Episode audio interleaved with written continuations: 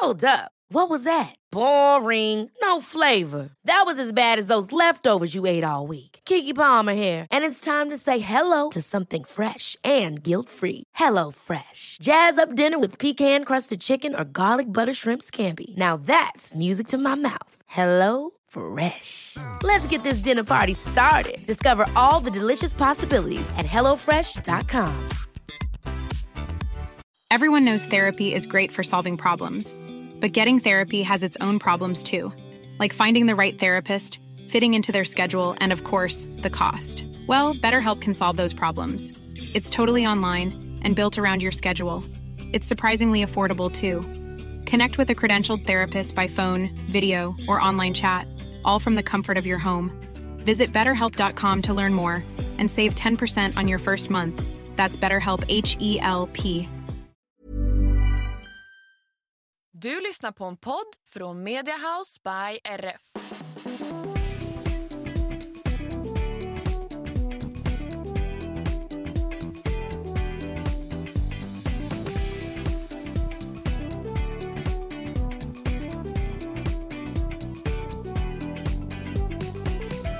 Hej allihopa och välkomna till systrarna Elfstrands hästpodd avsnitt 168. Tjenare, jag är Anna. Och jag är Emma och det här är podden om oss, våra fyra hästar och ridsporten i stort och smått. Stämmer. Hur är läget med dig denna soliga fredag? För nu spelar vi ju faktiskt in ja, men hela fyra dagar innan vad vi brukar. Ja exakt. Jo men det är bra med mig. Mitt enda problem nu är att jag har tydligen fått en finne i näsan, alltså i näsborren. Alltså jag fattar inte det där. Nej. Finnar, varför, ja, varför måste de dyka upp överhuvudtaget för det första? För de gör ju ont och Mm. jag är ju en pillare av rang så jag kan ju inte låta bli att klämma även om finnen inte är mogen och sånt där.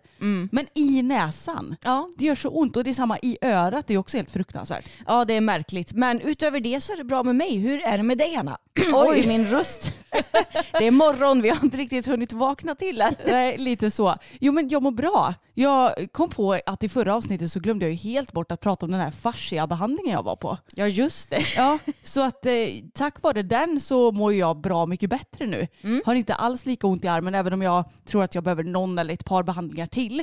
Men fasciabehandling, man kan ju säga att det är som djupgörande massage egentligen. Ja. Så först så var jag hos den här mannen då som ja, men klämde och kände på min arm och drog lite i den och ja men du vet visiterade mig lite som vi säger på hästspråk. och sen så gjorde han lite eh, manuell massage med sina händer och kände efter och sen så kom han till mitt skulderbladsområde och bara oj, du är väldigt stel här. Jag bara, mm. jag vet, det har ju typ alla som, ja men har jag varit på någon vanlig massage så har ju de sagt likadant. Att Ja. jag har fullt med knutar runt skulderbladen och sånt där. Så att det var ju inget som var news för mig. Men sen så använde han en maskin som är väl typiskt för så här fascia-behandling. Och det är ju egentligen som en sån här massagepistol som du har på ett ungefär. Men med lite mindre huvud så det är väl så här triggerpunkts eh, huvud typ. Ja, och den går säkert i andra sorters vibrationer och sådär också kan jag tänka mig. precis. För det gick liksom drrrr, Ja. så det blev lite mer i puls, pulsationer. Ja, Frida, min kompis, alltså, för du, det här, du var hos Fridas sambo Exakt. och fick behandling och Frida är min kompis och jag vet att Frida har testat den här på mig någon gång. Mm. Och he- hela grejen med, hon berättade lite om det för jag träffade henne för några dagar sedan, ja det var ju samma dag som du hade varit på den här Mm. fasciabehandlingen och hon sa det att det som det gör det är att kroppens vibrationer det ska kunna gå från fötterna och hela vägen upp i huvudet. Mm. Men till exempel nu med din armbåge, då tar det stopp där. Ja, för att det är en massa skit i vägen ja, typ. Precis, och det som det gör är att få bort den här skiten så Mm. att ditt eh, krets, Flöde. Ja, flöde exakt, eh, kommer igång igen. Ja, flummigt sagt. Men eh, hon sa det att det här, eh, alltså en fasciabehandling läker ju inte själva grejen men det hjälper till kroppen och läkare själv eftersom du får igång flödet. Ja men exakt. And it makes sense. Ja men man kan ju tänka lite som ett stopp i toan liksom. Det är klart att vattnet inte kommer igenom och Ja. avloppet och när man väl har gjort den här behandlingen så är det inget stopp längre. Nej exakt. Så jag är väldigt, väldigt nöjd och jag har faktiskt köpt en sån här femkort för jag var så här att jag har ju haft lite bekymmer med ländrygg också Mm. och har lite ont i, ja men typ, vad heter den här muskeln? Med, medius? Gluteus medius? Menar du piriformus? Eller? Ja det kanske jag gör. Mm. Ja, men på rumpan ganska högt upp den här lilla muskeln där. Det är säkert piriformus för den Ja. brukar ju krångla. Ja men jag, jag är lite stel lite här och var så jag tänker att eh, jag, ja nu börjar vi med det här området men vi lär ju behöva liksom fortsätta lite. Så min ländrygg är ju asmycket bättre än vad den var för typ ja, i somras eller när det nu var. Men jag tror att jag kan bli ännu mindre stel om man säger så. Ja men vad skönt. Mm, så att jag är så glad. Försöker ju såklart att tänka på att inte så här, bära så mycket med min vänsterarm och skona den så gott det går. Men jag ser ändå, jag börjar se ljuset i tunneln på den här jävla armen. Ja skönt. När ska du tillbaka igen då och göra nästa behandling? Ja men jag ska det 8 maj så det blir om Mm. drygt en vecka då. Ja. Eller knappt en vecka. När ni Skönt. hör det här. Mm, så Mm. det känns skönt. Det låter ju bra. Men ja, det har ju inte gått så många dagar sedan vi poddade senast eftersom vi spelar in i förväg. Och tanken med dagens avsnitt är att vi ska prata lite mindre om oss själva och lite mer om er och era historier som ni har skickat in till oss. Men det har ju såklart hänt lite för oss i hästväg i veckan. Och det största som hänt skulle jag säga är att vi var ju iväg och hopptränade hästarna i onsdags. Mm. Och det gick faktiskt väldigt bra får jag säga.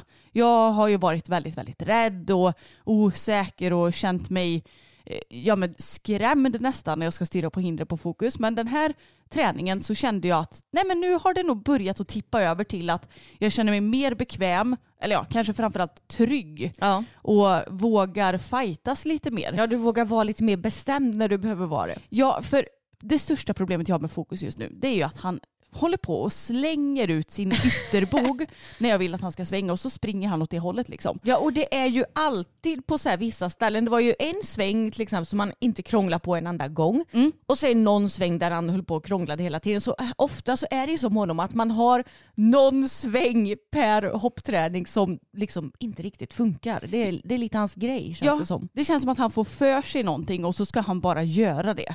Så att det är ju lite frustrerande. Men jag tänker också att ju mer vi kommer träna nu desto enklare kommer det säkert att gå. Och nu när jag inte är osäker längre, för jag kan tänka mig att det blir lite ond spiral. Så här, om jag sitter och är lite så här, åh det är lite läskigt och håller i honom lite mycket kanske i, för att korta ihop honom inför hindren. Och, ni vet, man blir ju lätt plockig när man är osäker. Ja. Och så kanske han blir så här, ja ah, men då kan jag nyttja lite att matte hon är lite osäker, hehehe. Men nu så helt plötsligt så var matte inte riktigt lika osäker längre så då kom han inte undan på samma sätt. Nej, han är ju klockren på hindren. Det är Ja. ju bara i svängarna som ni har lite bekymmer ibland. Ja och det känns ju som att han tycker att det är skitkul för att han hoppar ju som bara den. Ja. Så att jag vet inte riktigt varför han har fått för sig att han inte ska svänga Men ordentligt. han har ju alltid varit lite sån också. Och som Jo. sagt nu när du inte riktigt har varit i form. Det är, jag tror att ju, ju mer du kommer komma igång desto lättare kommer allt bli. Ja, jag, jag hoppas det. Men jag fick i alla fall jättefin känsla på hindren och det känns som att de här hopptävlingarna de är nog inte allt för långt bort ändå. Det blir jag glad över ja. att höra. Ja, men ett tag så kände jag så här, ja men till hösten kanske. Men nu känner jag ändå att, nej men, alltså nu ska jag inte när, planera. när division 1 är klart. Ja, precis. när du Nej. har tävlat klart din dressyr. Ja, nej men alltså jag, jag orkar inte planera någonting för att jag tycker att det känns som att då blir det för mycket press på det hela. Mm. Utan jag tar det som det kommer. Men som sagt, det känns ändå bra nu. Ja. Men du och Belsam var ju också jätteduktiga och försöker ta er ur er höjdkomfortzon nu. ja, men jag har ju min lilla comfort zone där som ligger kring en meter eller drygt en meter. Och jag litar ju så pass mycket på Bella och nu börjar jag också lita mer och mer på min egen ridning eftersom jag har varit igång så länge nu och hoppat så länge, känner mig säkrare och säkrare. Så nu börjar jag lita mer på mig själv så att jag kan hoppa lite högre också. Ja, och med det så menar du för Bella hon har ju varit så här att hon typ skadat sig en gång per år. Ja. Så det har ju blivit att ni fått börja om. Men nu har ni ju varit igång så pass länge. Ja men exakt. Och hon känns ju så himla fin nu. Det är så himla roligt. Och på den här träningen så tog vi några språng som låg på typ 1,15, 1,20. Och det är väldigt roligt att jag börjar komma upp lite mer nu till den höjden för jag tror att ja, men jag behöver ju det för att ta mig ur den här comfortzonen och för att känna att ja, men på sikt att 1,10 på tävling ska vara ännu mer komfortabel till exempel. Men, eh, nej, men hon kändes eh, verkligen klockren den här träningen och film kommer ju att komma upp Nej det är redan uppe. Ja, precis. eftersom vi spelat in det här tidigare. Precis, det finns redan på YouTube om ni vill se det. Ja men exakt och det är så kul också för att man tänker ju att Bella hon är ju en liten köttbulle. Alltså hon, hon är ju ganska grov i sin kropp och då blir man så här hur kan den här hästen hoppa egentligen? Men hon är ju så smidig när hon tar sig över de här stora hindren också. Ja det är hon faktiskt. Det, det är roligt, jag var inne med henne eh, på Husaby igår när vi spelade in för hon skulle till Charlotta, sin ekiterapeut. Och då passade jag på att väga henne och Charlotta bara jag måste säga, jag har aldrig sett henne i så här fin Mm. form förut. Hon är verkligen i toppform och då tänker jag bara yes, nu, nu har jag lyckats. Hon är både välmusklad och hon är inte överviktig enligt Charlotta som Mm. man ju får hoppas eh, talar sanning. och så bara, nu ska jag gå och väga henne och se hur mycket hon väger. Ja men trots att då vår äckelterapeut säger att hon är i toppform så väger hon 718 kilo till Mm. sina 173 centimeter i mankhöjd. Ja men hon är ju en grov tjej och Mm. som man så ofta säger så väger ju muskler ga- väldigt mycket. Ja. Eller det väger ju mer än vad fett gör liksom. Mm. Så att det är ju inte så konstigt. Nej. Det är vad det är. Det är vad det är ja. Hon har säkert varit lite smalare än vad hon är nu. Hon har varit betydligt tjockare än vad hon är nu också. Hon pendlar ju en del i vikt och nu när gräset kommer kanske hon kommer lägga på sig lite mer. Men Charlotta sa att ja men nu när hon har varit igång så mycket och ni kan fortsätta hålla igång så tror jag inte det kommer bli några problem. Nej. Och nej, men alltså det är som det är. Jag, jag tänker att hästar måste ju precis som oss människor också få pendla i vikt. Det är ju helt Ja. naturligt. Gud ja. Och jag menar, precis som oss människor så har ju hästar också olika kroppstyper. Ja. Jag menar vissa människor är lite grövre av naturen och vissa är smala naturligt. Liksom. Ja. Det är vad det är. Man får jobba med det man har och, och liksom göra så gott man kan. Ja. Jag säga. Både Bellas del och din del. ja, men jag är glad över att Charlotta sa att Bella var så himla fin. Ja. Och hon, det var också bra tydligen för jag hade egentligen tänkt komma in några veckor senare, alltså någon gång i maj. Men eh, så passade inte det in med vårt och Charlottas schema så då blev det nu att jag åkte in i april istället. Och då sa Charlotta att det var nog bra att du kom lite tidigare för hon, eh, ja, men hon satt ju fast lite så på vissa ställen och eh, ja men som det, det var inga konstigheter men ändå hon sa det var bra att du kom in lite tidigare nu och då kanske vi vet att du ska komma in lite tidigare på våren för då får hästarna lite vårkänslor, broddarna åker ur och då blir det en annan vinkel för hoven och sådär. ja, just det. Eh, Så hon, det var mest lite där nere i kronleden säger man väl. Mm, jag som, tror det. som vi ska typ jobba med lite arnika och sådär. Eftersom hon har gått med broddar och nu utan så blir det lite eh, annorlunda. Och sen också att hon har ju varit en tok i hagen hon och Pebban det Mm. senaste. Har varit helt tokiga. Så Charlotte sa att när vårkänslorna kommer då kanske vi ska ta det lite tidigare den här eh, intervallen. Mm. Då ska vi försöka att komma ihåg det också bara. Ja men exakt. Så nu ska jag inte in förrän efter sommaren nästa gång igen. Tänker att Kristin, vår ekiopat, såklart ska komma och behandla den någon gång däremellan. Men eh, ja, hon, hon var fin, kort och gott. Gud vad roligt. Mm. Och på tal om Kristin så var ju hon ute hos oss igår också. För att Tage, han har, alltså de senaste veckorna så har jag känt lite så att hmm, han känns lite loj att rida och sådär. Men så tycker jag inte att det är något konstigt för att jag menar nu är det ju verkligen de här pälsfällar och pälssättartiderna. Och han brukar ju bli lite så här, lite matt av det. Så att jag har liksom inte, ja men jag tänkte säga brytt mig om. Det har jag gjort i den månaden att jag accepterar läget och inte pressar honom såklart. Men Mm. jag har ändå varit så att ja ja, det är vad det är just nu. men sen så när jag skulle rida i tisdags var det va? Ja. Ja, alltså en vecka sedan. Så kände jag bara, nej, jag tycker att han känns oren. Och kunde egentligen inte riktigt sätta exakt på vilket ben det kändes, men det kändes som höger fram. Mm. Så direkt efter att, eh, eller nej, onsdags var det ju för 17. Eh, direkt efter att jag hade, jag hade ju bara travat fram lite grann så skickade jag ett meddelande till Kristin och frågade om hon hade tid någon dag. Och då kunde hon komma dagen efter på torsdagen då. Så det var väldigt skönt. Hon kom ut och kikade på honom och kunde ändå se, för vi först så ja, fick jag springa med honom på rakspår och sen på volt. Hon kunde ändå se det som jag kände lite grann. För du var så här, nej men jag ser ingenting. Nej. Och det kan ju vara svårt att se ibland, speciellt för oss som inte är liksom, utbildade veterinärer eller så. Ja, men jag tänker också, vi har ju haft Tage så länge så om du känner att något känns annorlunda så vet ju du om det för du är ju så van vid hur hans rörelsemönster ska kännas. Jo, det är också faktiskt väldigt sant. Så att eh, Kristin hon eh, behandlade honom och det var väl egentligen inga stora grejer så. För att jag var så här, kanske någon sträckning. För, förhoppningsvis tänkte jag att det kunde vara något Mm. sånt där. Men egentligen inget jätteavvikande. Mer än att hon fick loss honom fint typ i ländryggen och, och sådär. Men så longerade vi även efteråt för att se om, ja, men om det hade blivit bättre. Och det var liksom inte riktigt bättre. Så då kunde vi ändå konstatera att Kristins behandling inte gjorde direkt någon Mm. skillnad den här gången. Att det inte var någonstans i kroppen han satt fast. Och grejen att jag vill också bara påpeka att jag tycker verkligen att man ska söka veterinärvård innan man söker ekopatbehandling egentligen. Men jag vill också påpeka att jag har haft den här hästen i 16 år och han är 23 år gammal. Så att jag tycker att det är lite sådär, alltså att åka in till veterinär för en pytteliten orenhet, det gör inte jag alltså första dagen liksom. Mm. Utan jag vill ändå konstatera att han inte sitter fast någonstans. Mm. Men jag vill verkligen trycka på det. Sök veterinärvård om hästen inte känns fräsch. För att jag, jag kan gå en annan väg för att jag känner honom så himla himla väl nu. Mm. Men jag tänker att han ska få vila nu fram tills tisdag, alltså när det här poddavsnittet släpps. Mm. Och då så ska jag nog höra med Kristin om inte hon kan komma ut och kika på dem igen för att hon ser ju sånt lite bättre än vad jag gör. Eh, Och så longerar vi honom och så ser vi läget och är han inte bra då så får vi väl helt enkelt boka en tid till veterinären. Ja, eller om Moa kanske kan komma ut Ja. och kika på honom. Vi har ju kunniga personer i vår närhet så att säga. Ja men det har vi, men någon veterinär får kika på honom i så fall tänker jag. Ja. Men eh, ja, det känns skönt att ha en plan även om det är tråkigt att han inte är helt hundra. Men jag känner mig inte särskilt orolig för jag känner lite att alltså, det är vad det är. ja. Men Anna, du gjorde ju något roligt i tisdags också, det vill säga för en vecka sedan. Ja, och något helt nytt tänkte jag säga. Jag dressyrtränade, det har man ju gjort förr. Nej men jag tränade för en ny tränare, alltså en ny tränare för mig. Mm. Pia Björk heter hon och jag har ju hört väldigt gott om henne men det har liksom blivit att jag har varit lite lat, vill gärna träna för de som kommer till ridskolan. Det har varit Johan den senaste tiden vilket jag, jag trivs skitbra att rida för Johan.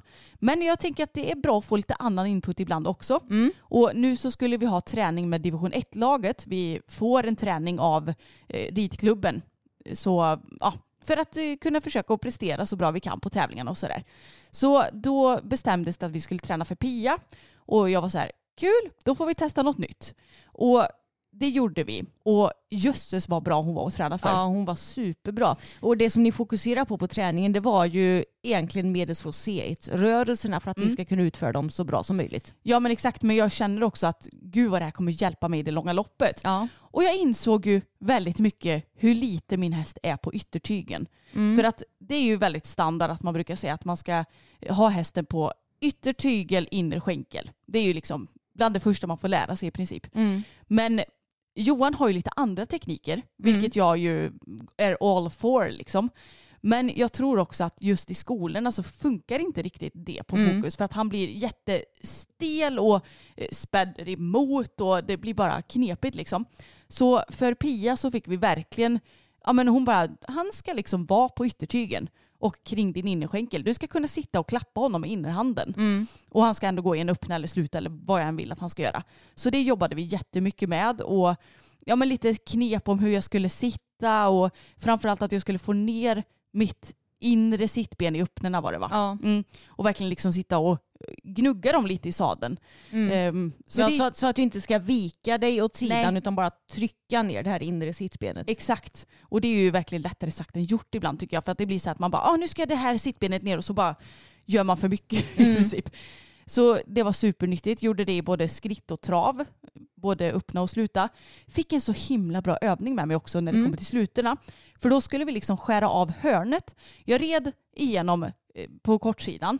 Och sen så vände jag från bokstaven C typ till strax innan bokstaven B. Vi var i ett 2040 ridhus så ni har lite referens på storleken. Och så skulle jag liksom bara tänka att bogen skulle ut när jag red på den här lilla kvartslinjen kan man ju typ kalla det, eller Ja. den här hörnlinjen.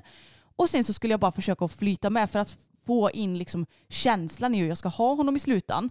Och då gick han ju skitbra i sluta. Ja men det var ett så himla bra och naturligt sätt för att få in den här slutarrörelsen. För att det blir ju mer naturligt att du rider ju typ bokstavligt talat mot väggen med honom och sen bara flöt med. Vi, vi har redan lagt ut en film på det här på eh, Instastory men vi kan lägga ut en till film på bara den här övningen och spara i vår höjdpunkt som heter podden 2023.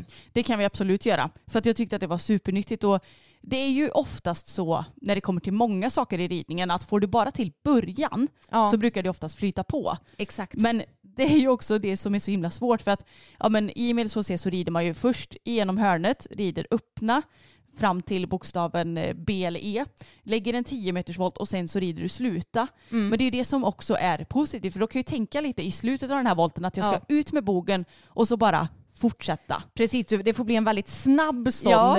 linje får du tänka. Ja, och jag inser hur kvick man måste vara. Men det känns så skönt. Alltså, det kanske inte kommer att gå att applicera den här ridningen helt nu till den här tävlingen, för det kommer att ha varit igår. Vi ska rida första maj, en medelsforsé.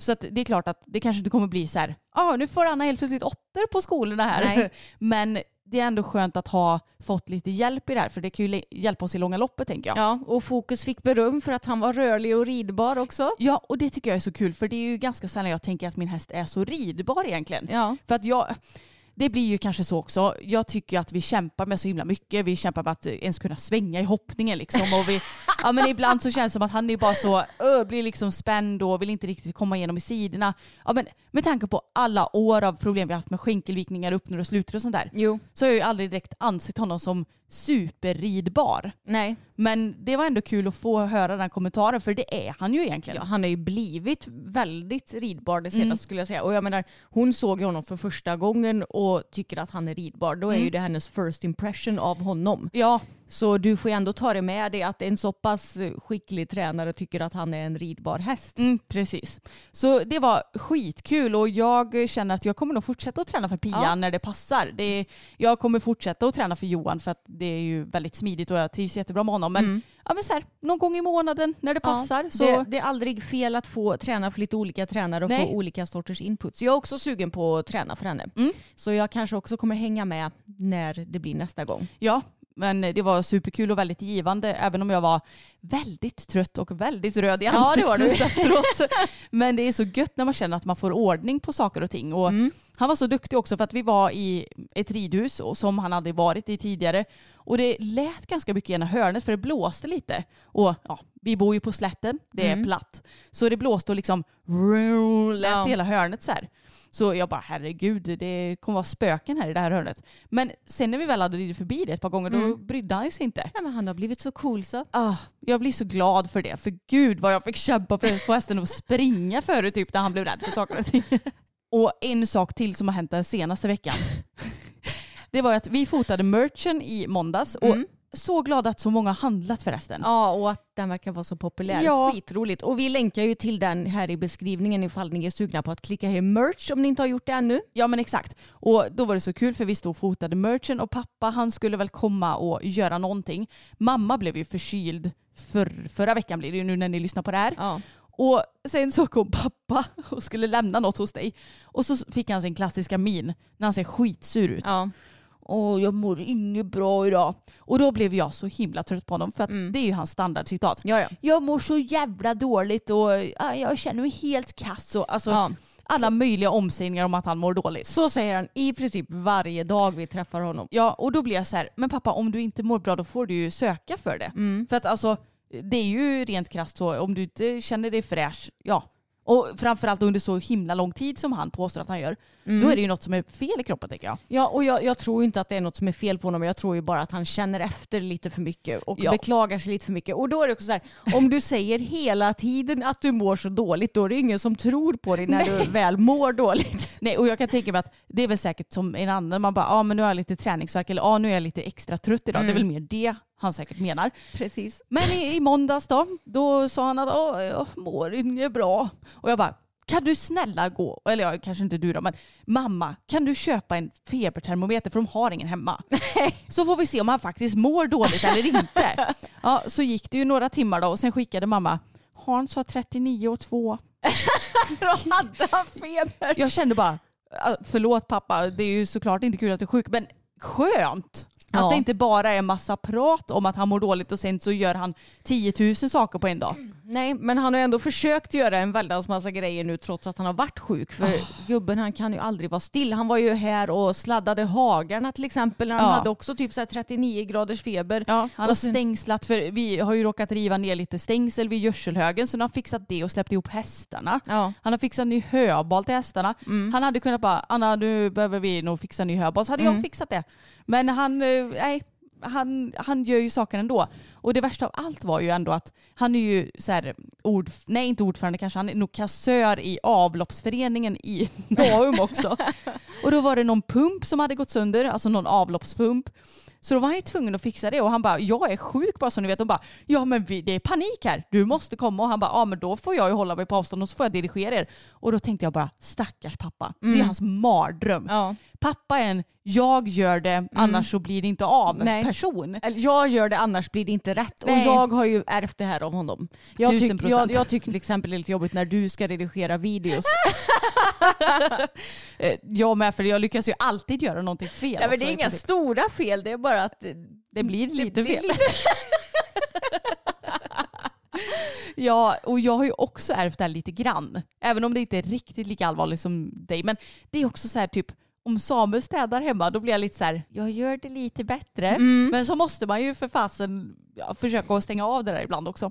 Ja, så man inte är någon besserwisser. Nej. Men det var ju samma i skolan. Jag hatade ju grupparbeten. Jag gjorde ju bara alla andras jobb. Alltså grupparbeten är ju fan det sämsta som finns. För det är de som har lättast för skolan, de gör ju allting och de andra bara sitter och tittar på. Jag menar, jag vill ju inte få sämre betyg bara för att de andra i min grupp är sämre än mig. Nej, jag tycker också det är helt sjukt att i, i de här teoretiska ämnena så borde ju grupparbete typ vara förbjudet. Och möjligtvis är för de bara, ah, men man ska kunna samarbeta. Ja men gör det i idrotten då eller?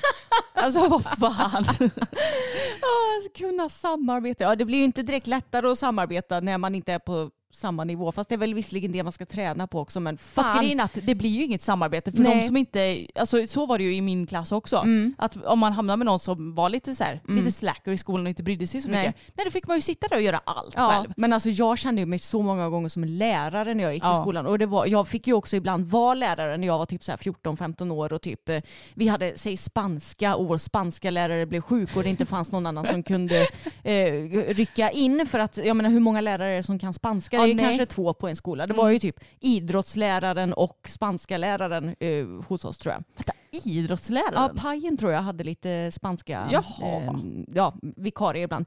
Så då var det så här, ja men när eh, vår spanska lärare typ var tvungen att gå iväg eller blev sjuk, ja men Emma då kan ju du hjälpa några om dem om du, de behöver hjälp. För jag var ju bäst i klassen på spanska så då fick jag ju vara lärare.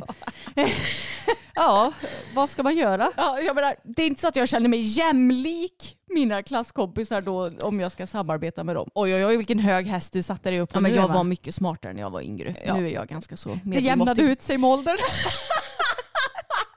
Lite så. Vart var vi ens någonstans? Om pappa? Ja, ja. Nej, men, eh, kort, kort och gott, pappa blev sjuk för första gången på evigheternas evighet dessutom. Mm. Och det var ändå på något vis skönt att känna att han klagade över att han mådde dåligt och att det faktiskt var sant den här gången. Ja. Och det känns skönt, nu har de en febertermometer så då kan jag säga om han säger att så här, Ja. jag mår så jävla dåligt, då kan jag säga gå och ta tempen. Exakt. Mm. Ja, och båda våra föräldrar har ju varit sjuka nu då, men peppar peppar så har vi klarat oss. Vi har sett till så att de har hållit sig på avstånd ifrån Japp. oss. Vi bara, vi har inte tid att bli sjuka, vi är egenföretagare, vi måste jobba, det finns ingen som kan Och vi göra... måste tävla, Ja, hallå. vi måste tävla framför allt. Men jag sa att om du hade blivit sjuk så hade jag kunnat rida Luke och Pebban på tävlingarna. Ja och de starterna kommer ju jag redan ha genomfört och det är ju också därför vi spelar in idag. För att jag tävlar på en måndag. Det Mm. Ja. känns lite knäppt. Ja. Men eh, ja, vi uppdaterar mer om det på YouTube för det kommer komma en dubbel tävlingsvlogg nu imorgon när ni hör det här. Men eh, ska vi ta och gå över till det som vi tänkt att ägna större delen av avsnittet till nu eller?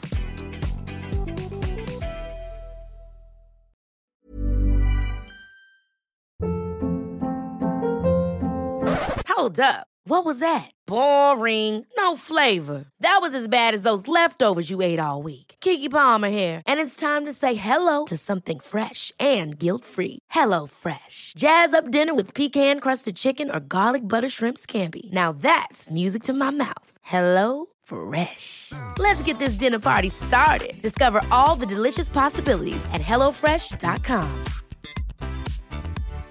One size fits all seems like a good idea for clothes until you try them on. Same goes for healthcare. That's why United Healthcare offers flexible, budget friendly coverage for medical, vision, dental, and more. Learn more at uh1.com.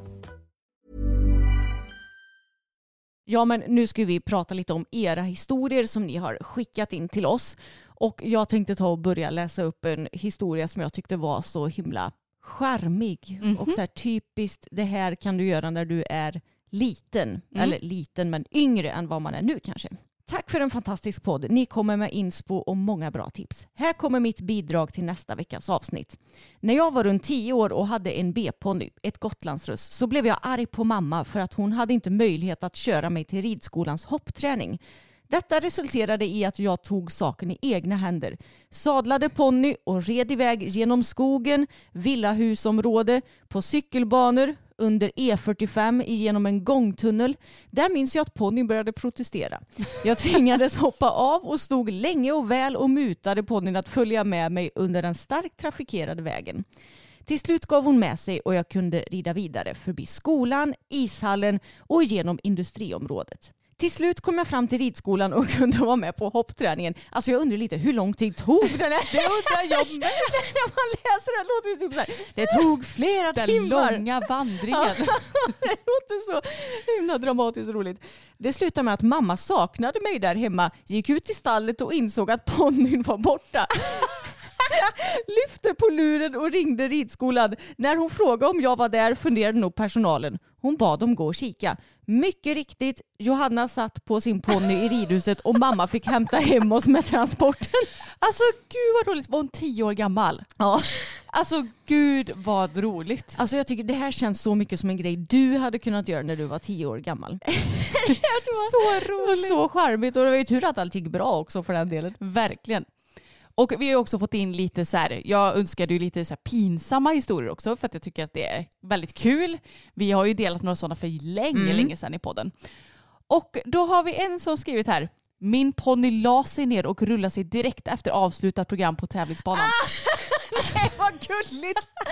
Det är 100% något som gamla ridskoleponnyn Laika hade kunnat göra. Ja. Vi hade en ridskoleponny som jag avgudade som hette Laika. Mm. Hon var, vad var hon? Hafflinger? Men alltså det var ju någon jäkla Det blandning. var någon blandning. Hon var ett fuxsto, en D-ponny som var typ 144. Ja, hon var 142. ganska liten Mm. D-ponny men grov. Och hon var så jäkla söt och charmig. Jag tänkt världens mest hjärtformade rumpa. Så här, Mm. Riktig biff. Ja. Och hon hade ju en grej, det var i början när hon kom, Ja. för sen slutade hon med det. Att hon la sig ner hela tiden med eleverna på lektionerna. ja, och det var så kul. En gång så, vi filmade ju jättemycket back in the days trots att vi inte hade någon YouTube-kanal eller någonting. Ja. Vi filmade för eget bruk. Och då var det din kompis Annika som red henne på en hoppträning minns jag. Mm. Och så var jag och min kompis Elina i mitten och filmade det här och så ser man hur Laika hon galopperar och sen så saktar hon av och så ser man hur hon ska börja och lägga sig ner. Och precis då så ställer jag mig mitt i vägen för Elina och kameran. Så hör man Elina, Anna akta, akta Anna, Anna akta på dig. Till slut så fattade jag att jag Ja. var i vägen för, för ridskolan, för kameran. Tog klivet åt sidan och precis då så lägger sig Laika ner. Mm. Och hon lägger sig ju platt på sidan också, som att hon stensover. Ja. så gulligt. Så charmig. Men jag har aldrig sett någon göra det på dressyrtävling får jag säga. Men gud vad charmigt. Halt, hälsning och sen istället för fri skritt, hästen lägger sig ner och rullar sig. Alltså jag undrar, sa domaren någonting? Skrev Ja. domaren något i protokollet? Ja, det hade jag velat veta också. Jag med. När jag red ut med chefen så mensade jag på hennes Bruno del Grande-sadel. inte så kul. Vet du, jag tror inte att det hade känts så kul oavsett vilket märke på sadeln. Nej. Men en Bruno del Grande kan ju vara ganska Ja, dyra. Men jag- är så här, det är också helt naturligt att råka, jag har säkert råkat göra det någon gång också, när ja, oregelbunden mens, det kommer lite hux flux. Jag vet att när eh, Moa skulle rida Bella, ja, nu för några veckor sedan, då sa hon det, ja, hon har ju precis fått barn. Mm. Att, förlåt om jag råkar läcka lite, jag bara, du det är ingen fara, det har nog kommit värre saker på den sadeln tänkte jag säga. Jaså? Ja men jag har ju råkat mensa ner den och sådär någon gång säkert också. Ja, det- jag tror faktiskt inte jag har råkat göra det. Men, Nej. eh, Men det, så här- alltså, det är sånt som kan hända. herregud. Ibland när man rider ut och inte vet om att man ska ha mens och så känner man bara och då har det nog kommit lite grann på den där sadeln. Ja, men- Samtidigt ska det krävas ganska mycket för att det ska blöda igenom både trosor och byxor. Jo, jag och Elina vi såg ju faktiskt en tjej som hade en jättestor röd fläck i rumpan när vi var på tävling Mm. för jätte- jättemånga år sedan. Det är säkert minst 15 år. Nej, hon red ju till och med B-ponny då, så Ja. ja. Väldigt många år sedan. Och då minns jag att jag bara, men gud vad pinsamt. Men hade Mm. det hänt idag så hade jag bara, Ja, whatever. ja, Mm. alltså shit happens liksom. Ja, men vi har ju berättat om min värsta menshistoria förut, men jag kan ju dra den lite snabbt igen. Ja. Och det var ju när vi skulle till Falsterbo med några kompisar och det är tio år sedan nu i år. Du hade brutit foten så du hade typ precis kunnat börja gå utan kryckor. Veckor va? För du hade Ja. tagit av, det, av gipset ganska nyligen vill jag minnas. Eller? Ja, och jag hade väl inte hunnit att liksom stärka upp benet totalt. Men jag kunde gå, men det gick ganska långsamt för mig. Ja. Och den här värden som vi hyrde hus av, hon bara det är jättenära till stranden, jättenära till Falsterbo. Det Ja. var ju jävla blålögn. Ja det var sk- det skitlångt så skulle vi gå till stranden så Jag var första så dagen sur. när vi kom dit. Det tog svinlång tid, det var jättejobbigt för Anna. Och jag, eh, min kropp är sån att jag kan inte som en normal människa hoppa över mensen, alltså att du börjar direkt på nästa karta igen, utan jag måste ha min blödning. Ja, om du äter p-piller. Ja, om jag äter Mm. p-piller för annars så kommer det en flod. Men det här tänkte jag inte på den här gången utan jag tänkte nu ska jag hoppa över min mens så att jag inte har mens när vi gör i Falsterbo. Vilken bra idé då. För när vi då gick till stranden eh, då känner jag bara, jag, jag har på mig vita bikinitrosor och typ en kort gul klänning. Jag känner att jag får världens flod. Och då tänker man, hur illa kan det vara? Jo, alltså det var så illa så att blodet rann längs med mina ben, Mm. längs med mina lår. Jag drog upp klänningen och visade typ Sillan och Jenny, våra kompisar, och de bara, men gud blöder du så mycket? Ja, tyvärr, så, så funkar min kropp. Så vi fick ju powerwalka i all hast till stranden. Jag kom fram, gick fram typ ända till vattnet, drog av mig kläderna och sen bara hoppade i och försökte tvätta av mig. Mm. Och att tilläggas var också att jag gick ju ja, ganska många meter bakom de här Mm. då, till, ihop med någon annan kompis. Ja. Och jag var så sur. Mm. Jag bara varför går de så himla fort för? Mm. De vet ju om att jag inte kan gå så fort och så var Mm. jag svinsur. Och sen när vi väl kom fram till stranden så bara Anna kan du byta bikinitrosor med mig? Jag har fått mens. Jag bara jaha, var Ja, det du, därför? du hade svarta bikinitrosor. Men då är det så också när jag får de här små floderna då kommer det en asstor flod. Sen så blöder jag typ inte på så här ett par timmar och sen så kommer det en till flod. Man bara vad roligt. Ja. Knepig kropp har du. Ja, jag har väldans knepig kropp och jag kan säga att det har inte blivit bättre efter att jag opererade mig för min livmoderhalscancer. Whoop. Nej, Nej. så jäkla tråkigt men Ja. vad ska man göra? It men du, men du, jag har sett att, eller jag vet inte om det finns, men jag, jag läste någon kommentar någonstans, kommer inte ihåg vart, Mm. att det ska finnas mensbikinitrosor. Det hade jag behövt Ja. ha kan jag säga. För jag vet ju, alltså trots att jag äter p-piller nu, efter att jag opererade mig, min kropp är ju inte regelbunden längre. Och det var den innan jag opererade mig. Ja och jag tänker också att det är ju smart för när man badar och har tampong, Mm. alltså det, då ska man ju se till att byta den väldigt ofta så att det inte så suger upp vatten och ja, men det blir infektioner i kroppen och så här. Och det är ju kanske inte alltid man är på ett ställe där det finns så superbra toaletter och sånt där. Nej. Så man kan ja, greja med sånt. Mm, eller om man bara säger jag vet inte riktigt om jag ska Nej. få mens idag eller inte. Eller jag vet inte riktigt om mensen är över. För ibland så kan man ju så här, vara blodfri i ett dygn och sen kommer en sista skvätt. Ja. Då hade det varit väldigt praktiskt att ha sådana trosor i de, de lägena. Ja, vi får helt enkelt eh, söka upp den saken. Jag har ramlat av inne på mässpaddocken på SIHS när vi hade uppvisning. Ja, och jag vet det ska finnas en bild eh, gällande det här också. Ja, det vet jag också. Mm, vi får dela med oss av den här bilden. Ja, vi får fråga först om vi får det. Men eh, ja, det är ju en väldigt eh, underhållande bild även om jag förstår att det kanske inte var så kul när det hände. Mm, men en rolig historia i efterhand. Jag hade glömt att spänna sadeljorden så jag följde med sadeln runt innan jag åkte av. Ja, been there, done that. Ja, det har du gjort. Det enda gången jag har gjort det, det var när vi red i västernsadel när vi hade du vet, sommarhästarna. Ja. På Amanda och västernsadel. Oh, jag, jag hatar västernsadlar för det, man sitter så fast i den. Det var inte så att jag lätt och ledigt kunde kasta mig av där utan jag fick ju vänta tills jag hängde där helt på sidan. Ja. När hästen var lite obekväm så jag tror typ hon hade stannat så fick jag ta tag i halsen och försöka Ja. kasta mig av. ja, så rider ni i västersadel, eller ja, helst rider ni i vilken sadel som helst, spänn ordentligt. Ja, vi måste ju på tal om västernsadlar, vi har dratt den här historien förut men den är så rolig så vi måste dra den igen. Och det var ju när, eh, när Anna var yngre, hon var ganska så kaxig då kan man säga. Och du skulle rida en klubbdressyr på ridskolan på hästen Pontus, typ en Let's See eller något sånt där. Och det gick ju bra, jag tror ni kom tredjeplacerade eller något sånt där. Ja, och jag vill minnas att jag var kanske så här. jag tror att jag red Rasmus och Pontus på samma tävling, det vill säga att jag var typ 12 år gammal. Ja, max. och kunde rida B-ponny liksom. Så att då red jag en häst som heter Pontus också och kom då trea. Och så satt jag uppe i kafeterian efteråt och fikade. Och så var det en kvinna som var, vi konstaterade ju det häromdagen, Hon var typ 65 då. typ 65, Mm.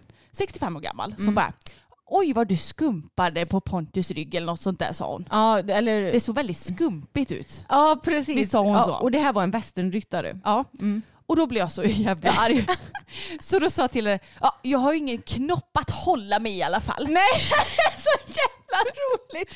Men alltså så här i efterhand, det är ju verkligen helt sjukt att en 65-årig Ja. kvinna säger till en 12-årig tjej Mm. att det såg skumpigt ut. Ja men du, alltså, du var ju så jävla rolig när du var yngre. Ja, och jag tog ingen- snabbtänkt. Nej du tog nog fan ingen skit Anna, det gjorde du inte. Den där snabbtänktheten den har blivit långsammare med Ja, åren den kan jag har, säga. min smarthet och din snabbtänkthet existerar inte lika mycket längre.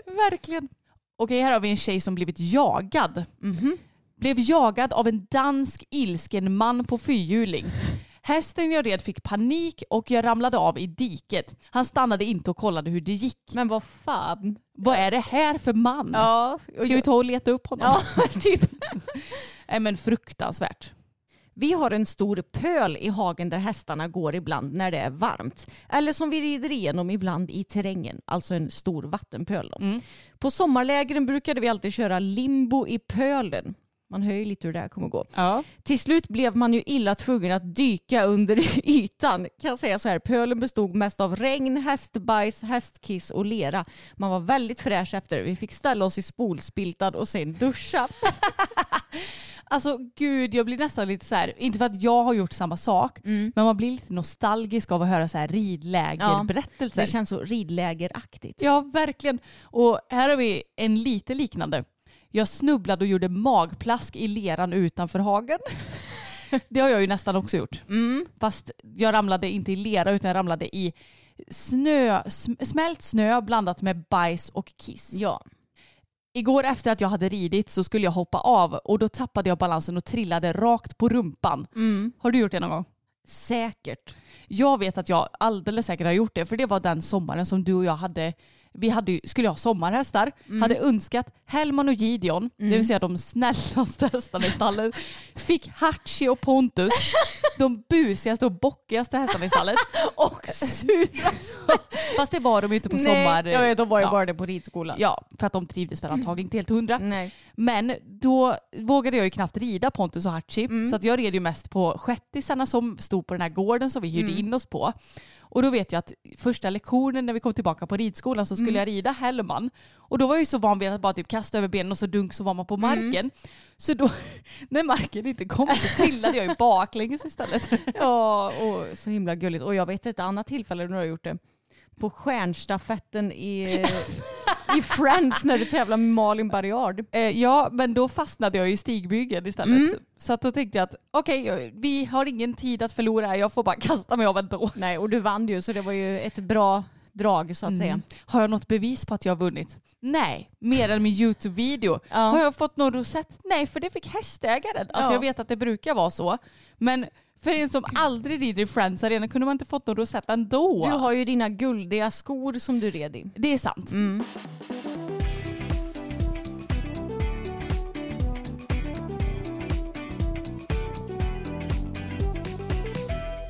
Jag skulle på ridläger och jag var så nervös så jag bajsade på mig. Jag fick rida utan trosor. Här, det låter ju jättebra tycker jag som inte är någon trosälskare. Nej, lite så. Här kommer en liten gullig story. För länge, länge sedan så var jag medryttare i ett lösdriftsstall. Och en dag så saknades stallets shettis. Letade länge men kunde inte se vart den var någonstans. Till slut så såg jag att dörren till sadelkammaren var på glänt. Där stod shettisen och åt morötter i goda ro. Är det, så här, var det Mulle eller? Ja men eller hur? Mm, fast fast då hade väl ätit tulpaner eller hallonbåtar. Vänta så här, Mulle han var, var han inte Mustang Fjording eller? För man tror ju att han ska vara sjätte. Hans Jo. mamma var Fjording och hans pappa Mustang. Ja, jag vill minnas det. Vilket ju är helt ologiskt om man ser hur han ser ut Ja, för han är ju typ en shettis i, i höjd liksom. Men alltså det är så gulligt. Ja, jättegulligt. Det här är väl egentligen inte någon riktig story så, men det är en som har skrivit att min unghäst hoppade över bommen i släpet förra veckan. Har det hänt er också och i så fall vilken häst? Och nej, vi har ju lyckligtvis aldrig varit med om detta. Mm. Så det känns väldigt skönt för att jag kan tänka mig att det är dramatiskt för alla inblandade. Men något som är viktigt att tänka på när man ja, antingen köper eller hyr ett släp det är att se till så att bommarna, alltså de som man hängnar in hästen med i släpet, att de går att få loss från utsidan på ett enkelt sätt. Mm. Ifall sådana här saker skulle hända. Ja. Så att jag menar, det är ju kanske lite svårt att veta när det händer eller så. För att vissa hästar kan ju vara jätte, jättelugna och sen en vacker dag så bara åh, får de panik på någonting och hoppar över bommen. Och det är ju svårt att vara förberedd på sådana saker ibland. Men man kan ju förbereda sig genom att kolla på säkerheten. Men jag hoppas verkligen att det gick bra för din häst och att, eh, ja, att den kommer vilja att gå på släpet Ja. i framtiden. Ett roligt minne jag har med min häst var när jag red barback och behövde fisa. Det lät högt. Det blev en sån akustik på hästryggen kanske. Ja, sant. Hästen blev livrädd och flög i luften. Jag blev lika rädd och jag trodde det skulle vara smygis. Det blev en surprise där alltså. Surprise, surprise. Jag gick omkull med min häst. Läkaren sa att benet var brutet. De hade fel. Jaha, Mm. Vilken eh, glad överraskning tänker jag. verkligen. Men jag undrar lite då om de tror, alltså om benet är väldigt typ svullet och blått, för det blir det ju när man bryter någonting. Det blev min fot när jag bröt den, blev Ja. knallblå på en gång. Undrar om de såg det och så bara, hmm, det ser brutet ut och så röntgade de och så bara, nej det var det visst inte. Ja, Antagligen så gick det väl till så. precis. Men det är ju konstigt att de säger att det är brutet i så fall innan de har röntgat det tänker jag. Ja, det bästa hade ju varit att så här, det kan vara brutet. Vi röntgar och ser. Precis, Och inte bara, det är brutet. Nej, men skönt det i alla fall som man slapp ett brutet ben. För det tar ju lite tid att läka så att säga. Verkligen. Vi har fått eh, en del liknande historier. Jag skulle kissa bakom gödselhögen en gång. Då kom min tränare och såg. Ja, Och det är ju så standard när det inte finns någon toalett i stallet att man kanske kissar i en box eller kissar vid gödselhögen. Och att de kommer och ser det. Ja. Det är inte helt ovanligt. Men vad ska man göra när det inte finns någon toalett heller? Liksom? exakt. Här kommer ett ganska så roligt fail tycker jag. Hej, här kommer en berättelse om när jag skulle hjälpa till och fixa i ordning några hästar till en klubbhoppning. Jag skulle då ta ner en sadel som hängde väldigt högt upp och ge till tjejen som skulle hoppa en liten islandshäst, C-ponny. Det enda problemet var att det var ganska stressigt så jag tittade inte på namnlappen vid sadeln. Så istället för att ta islandshästens sadel tog jag sadeln som tillhör stallets största häst. Han var cirka 170 centimeter och jag märkte inte det. Så den här ponnyn hoppade med storhästens sadel och när storhästen skulle sadlas så var ju sadeln borta för den satt på en ponny. Skämdes väldigt mycket efter detta men alla gör ju fel ibland. Alltså gud vad kul. Men ja, ibland blir det fel. ja, speciellt om det är lite stressigt. Hej, jag har en liten berättelse som jag vill dela med mig av då jag tycker att det uppmärksammas för lite av i hästvärlden, nämligen andras åsikter om ens egna häst. Jag var bortrest i cirka två veckor så jag hade min medryttare som tog hand om min häst dessa veckor. Jag fick sen ett samtal av medryttaren som sa att vissa personer hade sagt att min häst inte var fräsch, inom parentes halt. När jag kom tillbaka till stallet så provade jag att rida och märkte inget fel.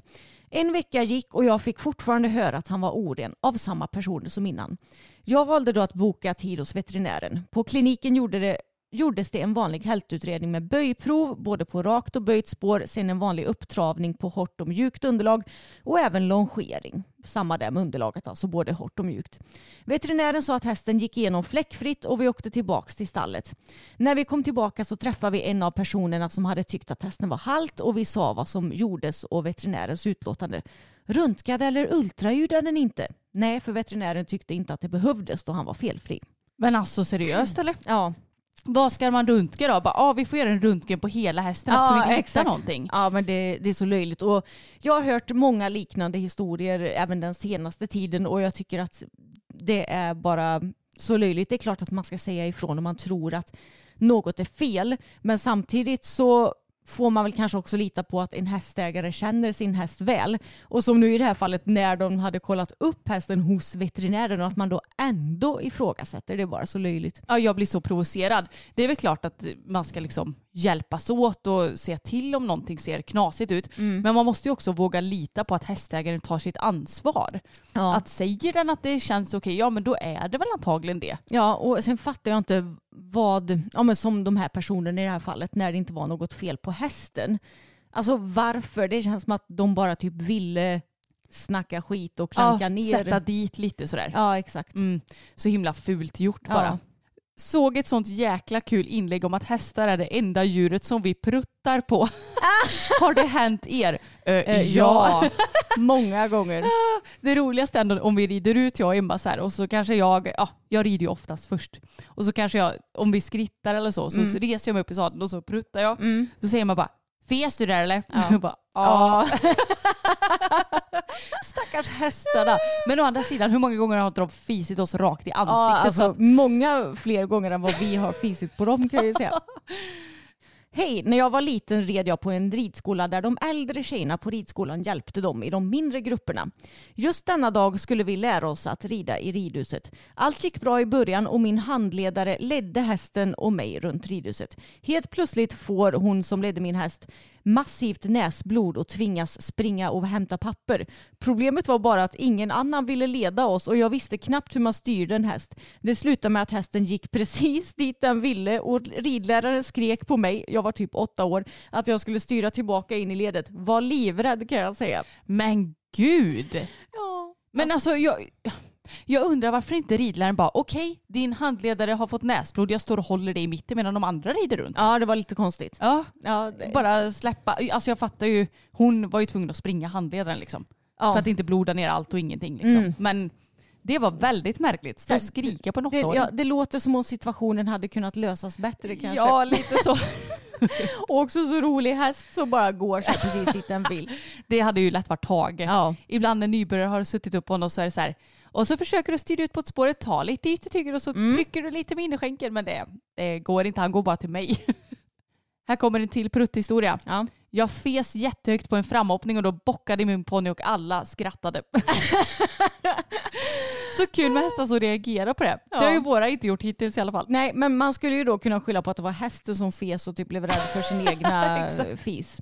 Det är en som har skrivit, jag har haft det tufft med min ponny förra året men nu känns det som att det blir bättre. Och det här gör mig så himla glad för att ibland så känns det som att många ja, men kanske ger upp och man orkar inte mer och jag tycker också att det finns någon form av gräns. Mm. Alltså, känner man att det absolut inte går framåt och det gör inte det på väldigt, väldigt länge och man känner att ja, men motivationen tar slut, ja men då kanske det finns anledning till att inte fortsätta. Mm. Men oftast så är det ju så att det blir bättre bara man fortsätter att kämpa med sin häst. Ja, precis. Och, ja, men som med dig och Fokus till exempel. Tänk vad han har lärt dig grejer. Ja och det jag har insett den här, nu har vi ju haft honom i över fem år, det jag har insett kanske framförallt är att tid hjälper också. Ja. Många gånger så tänker man att ja, men den måste bli bättre på det här och det här och det här och det här och vår relation behöver bli bättre och den behöver gå upp i vikt och den behöver ge sig och den behöver få mer muskler. Alltså, man tänker bara på alla konkreta grejer.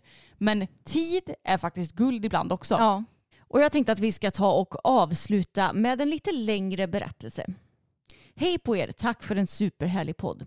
Jag har två nordsvenskar, 13 och 6 år gamla, mor och dotter. För tre år sedan när vi red ner till vår badstrand för att svalka benen så gick Elsa, som fölet heter, rakt ut i vattnet och började simma. Hon var och har alltid gått lös bredvid mig och hennes mamma utan bekymmer. Bekymret denna gång var att Elsa simmade ut i sjön och vände inte. Jag såg min häst simma längre och längre ut i sjön. Jag fick ett kort ögonblick panik och undrade vad fan jag skulle ta mig till. Sen samlade jag mig, kastade mig av mammahäst och släpade fram min kajak ur borden i rekordfart. Mamma häst blev rädd och sprang hemåt. Vi var inte långt hemifrån så jag tänkte att hon springer hem. Jag fokuserade på att få in Elsa på land igen. Jag kastar mig i kajaken och paddlar ikapp Elsa som är långt ute på sjön vid det här laget. Vallar henne in mot land med hjälp av kajaken men inser att vi är så långt ut redan och att hon kanske inte skulle orka in. Jag sa till Elsa att nu simmar du för ditt liv och fick driva henne framåt med padden flera gånger. Hon var så trött och ibland var bara mulen ovanför ytan. Mot alla odds kom vi in till land, 200 meter från stranden. Hon blev rädd när jag hävde mig ur kajaken och simmade ut igen. Jag tar mig upp i en halvfylld kajak och gör om det hela. Får till slut upp henne i sjökanten och sen in i tät skog och långt ifrån vägen ner till sjön. Vi traskade på tills vi till slut kom till vägen igen. Väl där kollapsade jag och spydde av utmaning och adrenalin. När jag hämtat mig visslade jag på mammahäst. En vild chansning att hon var kvar i närheten. Hörde en gnäggning och så kom hon i full galopp tillbaka till oss. Min fina älskade häst. Och bar mig hem med Elsa på släp. Inom parentes med grimskaft. När vi kom hem plaskblöta och helt utmattade släppte jag ut dem i hagen efter att ha undersökt Elsa efter eventuella skador. Jag stannade upp och undrade vad fasen vi precis varit med om. Jag ringde min mamma och berättade vad som hänt och hon var helt säker på att jag skämtade. Elsa är idag känd som sjöhästen och har fått ett simborgarmärke. Nej! Alltså gud, jag, jag kände bara under tiden som du läste upp den här berättelsen så har jag suttit med världens gap. Jag rös också när du sa det att den simmade ut igen. Ja. Och jag kände bara, men nej den orkade ju knappt första gången. Hur Nej. ska det här gå? Mm. Alltså, gud jag vet knappt var jag ska börja. Och vilket band med mammahästen Ja, också. eller? verkligen. Vilken berättelse. Det, Ja. det är så spännande och läskigt men samtidigt också fint. Ja, och jag tror för övrigt att hon inte spydde av utmaning utan utmattning skulle jag Sa tro. jag utmaning? Ja det gjorde du. Ja men det är ju så med vår podd. Ibland när jag lyssnar i efterhand så kan jag bara, där, där sa jag, jag, jag var nöjd med min rivning istället för ridning. Det är Ja. typ min standard. Ja. Eh, Och mycket annat. Men jag tror att ni fattar vad vi menar. Absolut, man säger fel ibland. Ja. Det är bara så kul för jag bara hinner liksom inte bryta in heller. Så att jag bara, "Ah, ja. ja men en väldigt fin berättelse. Jättefin och jag måste bara säga också att Elsa, visst var det Mm. nordsvensk sa du? Eh, ja. Ja, det måste ju vara ett klockrent namn. ja. Det kändes så gulligt. Jag så kunde fint. liksom se mig framför mig hur de gick ner till sjön och simmade, Mm. hade det mysigt och sen bara Nej! Japp. Vart tar du vägen Elsa? Mm. Och så här, vad gör man inte för sina hästar? Man, eh, ja men som i det här fallet, du verkligen, eh, alltså trots att din egen kropp är så trött och att du har så mycket adrenalin, att du vet hur du ska agera och gör allt för din häst. Ja och jag känner också tur att den här personen var duktig på att paddla kajak eller? Mm. Jag menar jag hade bara Eh, vänta nu, höger, vänster, höger, vänster. Kanske hamnat upp och ner och så hade det ja, blivit konstigt. Ja, verkligen. Eller vänta, är det kajak som är så här, ett hål som man sticker i? Nej, det är Eller nog kanot. kanot, tror jag. Ja, just det. Kajak är ju Lite mer öppen va? lite mindre läskigt skulle jag säga. Tusen, tusen tack till alla er som skickat in berättelser. Vi har ju fått massor och såklart inte kunnat ta med allt. Nej. Men vi är så glada över att ni vill göra det. Vi har haft många goa skratt och också lite rysningar i kroppen. Ja, verkligen. Och glöm nu inte heller bort att prenumerera på podden om ni gillar våra avsnitt. Även vår YouTube-kanal som heter systrarna Elfstrand där vi delar med oss av mycket mer kring vårt hästliv. Och så såklart vår merch som vi har länkat till i beskrivningen. Ja, och där finns ju också lite andra aktuella länkar, bland annat till vår eftersnacksgrupp på Facebook. Och vi finns på Instagram, där heter vi också systrarna Elfstrand. Det stämmer bra det. Ha det bäst hörni så hörs vi igen nästa vecka. Det gör vi. Hej då! Hej då! Ever catch yourself eating the same flavorless dinner three days in a row? Dreaming of something better? Well, HelloFresh is your guilt-free dream come true, baby. It's me, Kiki Palmer. Let's wake up those taste buds with hot, juicy pecan-crusted chicken or garlic butter shrimp scampi. Mm. Hello Fresh. Stop dreaming of all the delicious possibilities and dig in at HelloFresh.com. Let's get this dinner party started. Hey, it's Paige DeSorbo from Giggly Squad. High quality fashion without the price tag. Say hello to Quince. I'm snagging high-end essentials like cozy cashmere sweaters, sleek leather jackets, fine jewelry, and so much more. With Quince being 50 to 80% less than similar brands. And they partner with factories that prioritize safe, ethical, and responsible manufacturing. I love that. Luxury quality within reach. Go to quince.com slash style to get free shipping and 365 day returns on your next order. Quince.com slash style.